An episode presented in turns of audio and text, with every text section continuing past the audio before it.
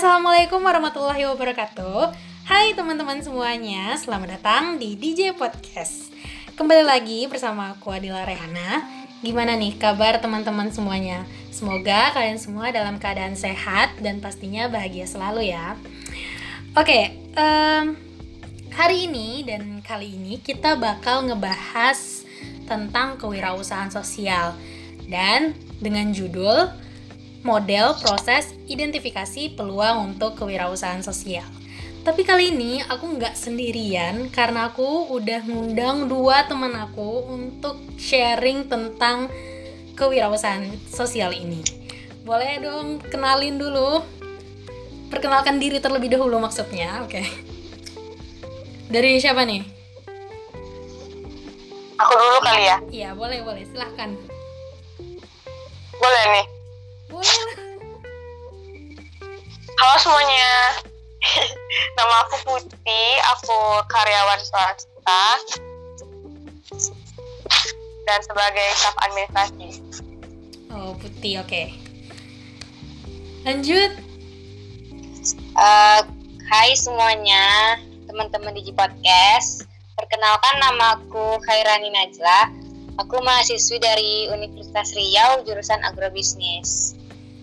Baik, jadi di sini udah ada dua teman aku yang di mana kita bakal sharing-sharing mengenai uh, kewirausahaan sosial dengan judul tadi yaitu model proses identifikasi peluang untuk kewirausahaan sosial. Uh, tapi sebelum kita masuk ke topik pembahasan nih, ya kita tanya dulu lah ya, apa sih kesibukan dari dua teman aku ini? Oke, okay? siapa nih yang mau jawab duluan? Kalau aku kayak sibuk kerja, kesibukannya itu aja. Sama kayak orang lain juga ya sibuk kerja. Kalau Najla? Kalau aku ya sibuk kuliah online karena masih pandemi kan. Hmm, ya sama sih semuanya sama ya tetap melakukan aktivitas seperti biasanya ya walaupun ya. terhalang uh, pandemi. Baik. Oke okay, uh, eh, jadi kita langsung aja nih ya membahas tentang kewirausahaan sosial yang dengan judul apa tadi model proses identifikasi peluang untuk kewirausahaan sosial. Uh, jadi gini, kalau bicara terkait kewirausahaan itu tuh kayak udah familiar banget ya kewirausahaan doang. Tapi ini ditambah dengan kata-kata sosial gitu. Jadi kewirausahaan sosial. Nah, boleh nih kalian jelasin gitu ke teman-teman DJ podcast gitu perkenalin apa sih itu kewirausahaan sosial? Jadi kalau menurut aku sih kewirausahaan sosial itu bisa dikatakan sebagai sebuah peluang ya. Uh, yaitu peluang bagaimana caranya kita untuk membentuk satu model bisnis. Yang mana model bisnis ini itu berkaitan dengan nilai-nilai sosial. Ya aku setuju sih yang dibilang Najwa tadi terus juga model bisnis ini kan yang bermanfaat bagi banyak orang gitu kan. Hmm, berarti poinnya tuh bermanfaat bagi banyak orang dan nilai-nilai sosial oke. Berarti kalau nih dilihat-lihat nilai utamanya adalah nilai sosial karena uh, dia emang punya tujuan untuk memberikan suatu hal yang bermanfaat juga bagi banyak orang gitu ya. Lebih tepatnya gitu kali ya. Ya benar-benar tuh benar. Uh, Terus apakah kewirausahaan sosial ini tuh kayak punya prioritas sendiri gitu? Misalnya kayak kalau kewirausahaan itu kan dia punya prioritas atau apa ya? Dia lebih mengutamakan untuk bisa mendapatkan profit gitu kan. Nah, apakah kewirausahaan sosial ini tuh punya prioritas juga atau mungkin beda dari kewirausahaan lainnya gitu? Um, sebenarnya kalau dilihat nih dari pemahaman mengenai kewirausahaan sosial itu kan jadi tujuannya itu aja untuk mendapatkan profit. Tapi kita tuh sambil bersosialisasi gitu. Oh, oke. Okay. dan mungkin ya kewirausahaan sosial sendiri juga punya tujuan untuk memperbaiki permasalahan-permasalahan uh, yang terjadi di suatu wilayah atau populasi masyarakat kan jadi menurut saya aku nggak apa-apa nggak apa-apa. Kita bicara santai aja. jadi menurut aku untuk prioritas tadi tetap mendapat profit sambil bersosialisasi itu sih. Berarti tetap dapat profit sambil bersosialisasi oke.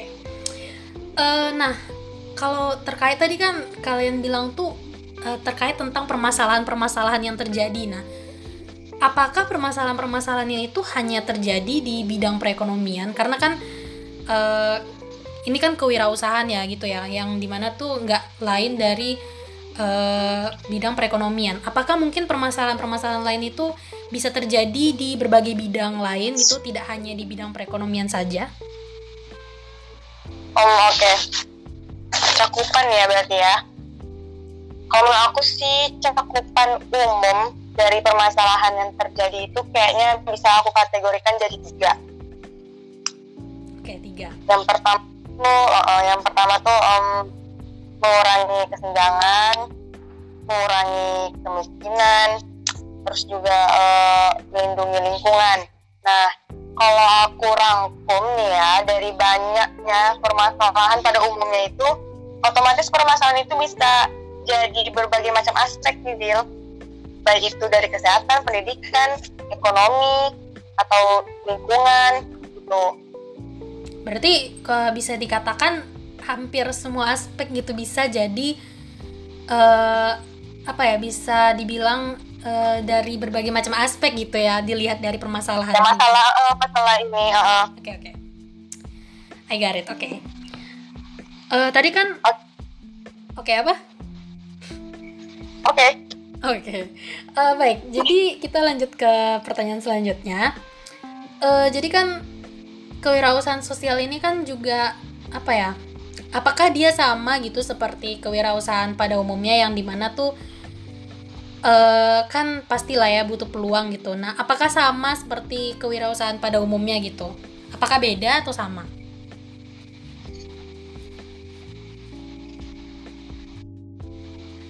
Nah, pastinya ada. Namanya juga bisnis kan. Pasti dibutuhkan peluang untuk bisa menjalankannya. Tapi caranya cukup berbeda ya dari kewirausahaan pada umumnya sih.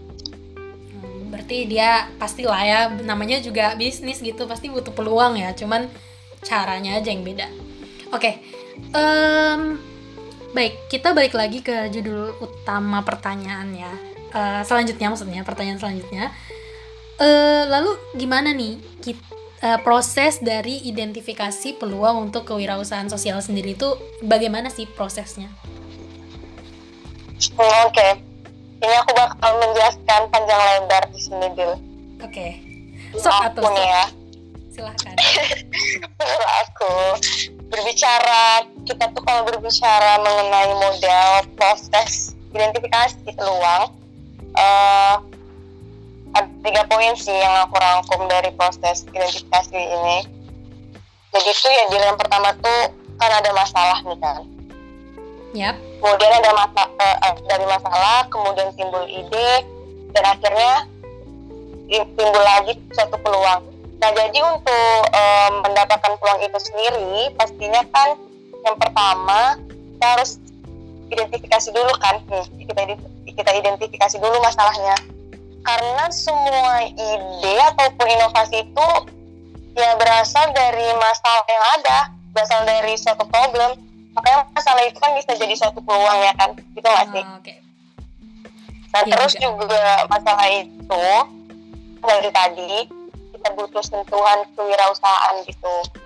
Biar ntar bisa berubah menjadi peluang yang memberhasilkan eh, yang menguntungkan terus yang memberi manfaat juga terus kan juga masalah itu bisa mengarahkan kita nih untuk memodifikasi ide yang kita buat. Jadi kita tuh mampu menyelesaikan masalahnya gitu.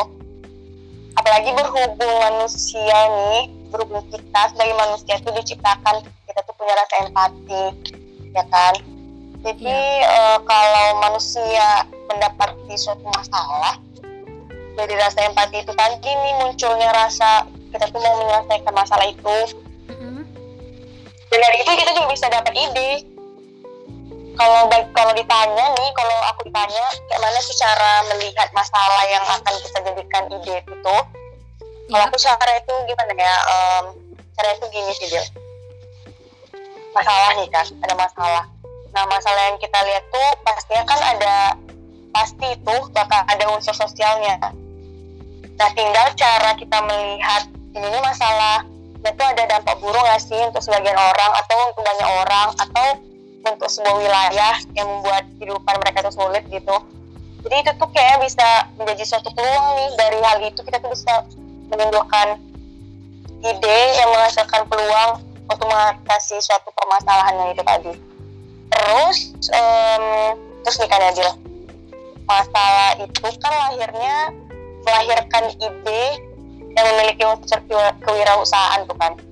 Iya. Memang iya, ide idenya itu tercipta untuk membantu seorang pengusaha untuk menjalankan usaha dari peluang yang kita dapat.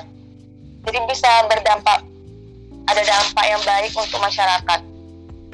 Oke. Okay. Ya. Terus kalau bicara tentang peluang dan masalah itu sendiri itu sebenarnya sih menurut aku udah jadi stimulus kuat sih yang bisa melahirkan ide-ide gede, ide besar. Karena ini kan kemampuan kita itu membangun kesadaran atas masalah-masalah itu tuh yang penting. Gitu. Oke. Okay. Karena gimana ya, ide itu kan sebenarnya murah gitu kan. Cuma yang merealisasikannya itu tuh yang mahal, yang susah. Makanya iya ada poin potensi untuk ya kan iya, iya. ada poin potensi untuk bisa membantu terrealisasikan ide tadi. Terus juga ya kalau aku ditanya bisa nggak sih sebenarnya kita tuh mampu nggak sih untuk merealisasikan itu tadi? Ya sebetulnya sih jawabannya bisa kan? Ya iya, cuma jadi iringi kita ikutin dengan kerja yang sistematis terarah gitu terencana pokoknya yang mantap lah implementasinya. Apalagi sekarang ini kan banyak di antara kita tuh punya ide yang bagus, ide gede, ide cemerlang, tapi kita tuh sulit untuk merealisasikannya. Sebenarnya masalah kita kan situ tuh, sulit untuk merealisasikannya. Jadi iya. gitu dia. Emang sih banyak banget ya ide kita tuh, maksudnya uh, emang sulit dipikirin, cuman tuh emang mudah aja gitu kan dibilang murah ya murah gitu tapi untuk merealisasikan untuk mewujudkannya itu yang bener-bener kayak emang bener dibilang susah ya susah ya, gitu bener. Karena itu kan kayak uh, hmm? manis pahitnya ya kalau mau ini. Iya karena kan emang uh, tergantung ya. Karena ada kadang ide tuh muncul tetapi pas kita merealisasikannya itu ternyata kita bukan atau kita tidak dalam bidang itu. Jadi kita nggak bisa ngapa-ngapain gitu. Kita harus butuh orang lain. Kadang kan ada yang kayak gitu ya. Oke. Okay. ya malah bingung sendiri gitu kan. Ada yang kayak gitu. Iya. Oke. okay tadi kan okay. uh, Putih tadi udah jelasin ya mengenai proses dari identifikasi peluang untuk kewirausahaan sosial sendiri. Cuman ya kayaknya kita butuh contoh gitu ya, contoh dari realisasi proses identifikasi gitu supaya mungkin uh, teman-teman dari eh, teman-teman DJ podcast bisa lebih paham lagi gitu ketika diberikan contoh gitu. Boleh nih Najla kasih contoh terkait proses identifikasi peluang untuk kewirausahaan sendiri? Oke, jadi dari penjelasan yang udah dijelasin Putih tadi ya, jadi aku punya nih satu contoh. Dari contoh ini nanti kita bisa memahami bagaimana kita merealisasikan ide dari kewirausahaan tadi. Oke, okay. jadi kita ambil nih contohnya dari Peak Retina. Peak Retina. Nah, Peak Retina ini uh, ya adalah sebuah adalah salah satu uh, ya mungkin pemeriksaan mata yang portable dengan menggunakan aplikasi dan adaptor sederhana. Nah, jadi kalau kita masukkan ke model identifikasi proses tadi, di sini si pembuat aplikasi ini kan mencari tahu nih permasalahan yang terjadi di daerah terpencil ini kan. Yeah. Jadi misi mereka itu membuat uh, suatu apa ya inovasi mungkin ya, uh, hmm. di mana nanti sebuah jadi nanti ini gimana ya bilang ya? Sebuah keterbatasan yang ada tuh nanti akan muncul gitu. Akan terlihat seperti kurangnya akses atau fasilitas kesehatan dan juga alat pemeriksaan kesehatan yang terbatas di daerah itu khususnya untuk kesehatan mata kan? Iya. dari masalah inilah muncul sebuah ide untuk membuat aplikasi dalam memudahkan proses pemeriksaan mata tersebut. Inilah yang dinamakan Retina tadi. Dan di situ pula munculnya peluang dalam membangun kewirausahaan sosial tadi, yang di mana mereka mendapat profit serta nilai sosial yang terdapat di permasalahan yang mereka ulas tadi gitu Nah, berarti uh, mereka ini uh, mencari tahu permasalahan yang terjadi dari daerah terkecil ini ya gitu kan sampai ternyata tuh yeah. ketika udah dapat masalahnya timbullah ide gitu kan supaya bisa uh, memberikan apa ya kayak dampak baik gitu ke daerah terpencil yang kurang fasilitas kesehatan tadi gitu ya intinya mereka yang ya. membutuhkan kita yang memberikan uh, apa ya solusi gitu ya dari permasalahan ini. Oke, oke, baik.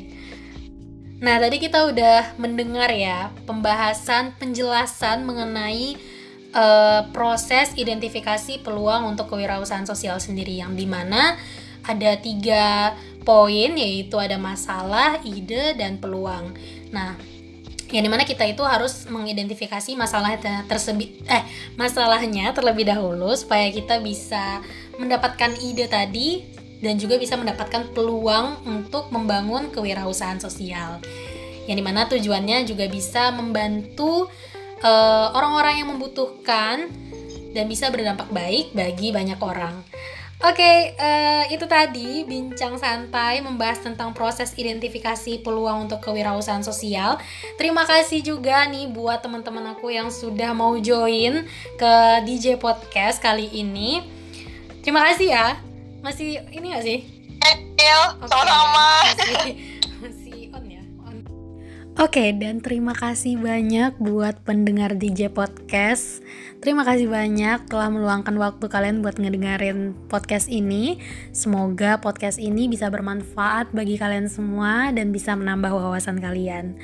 Oke, okay, jangan lupa untuk share podcast ini uh, supaya ilmunya tidak berhenti di kalian.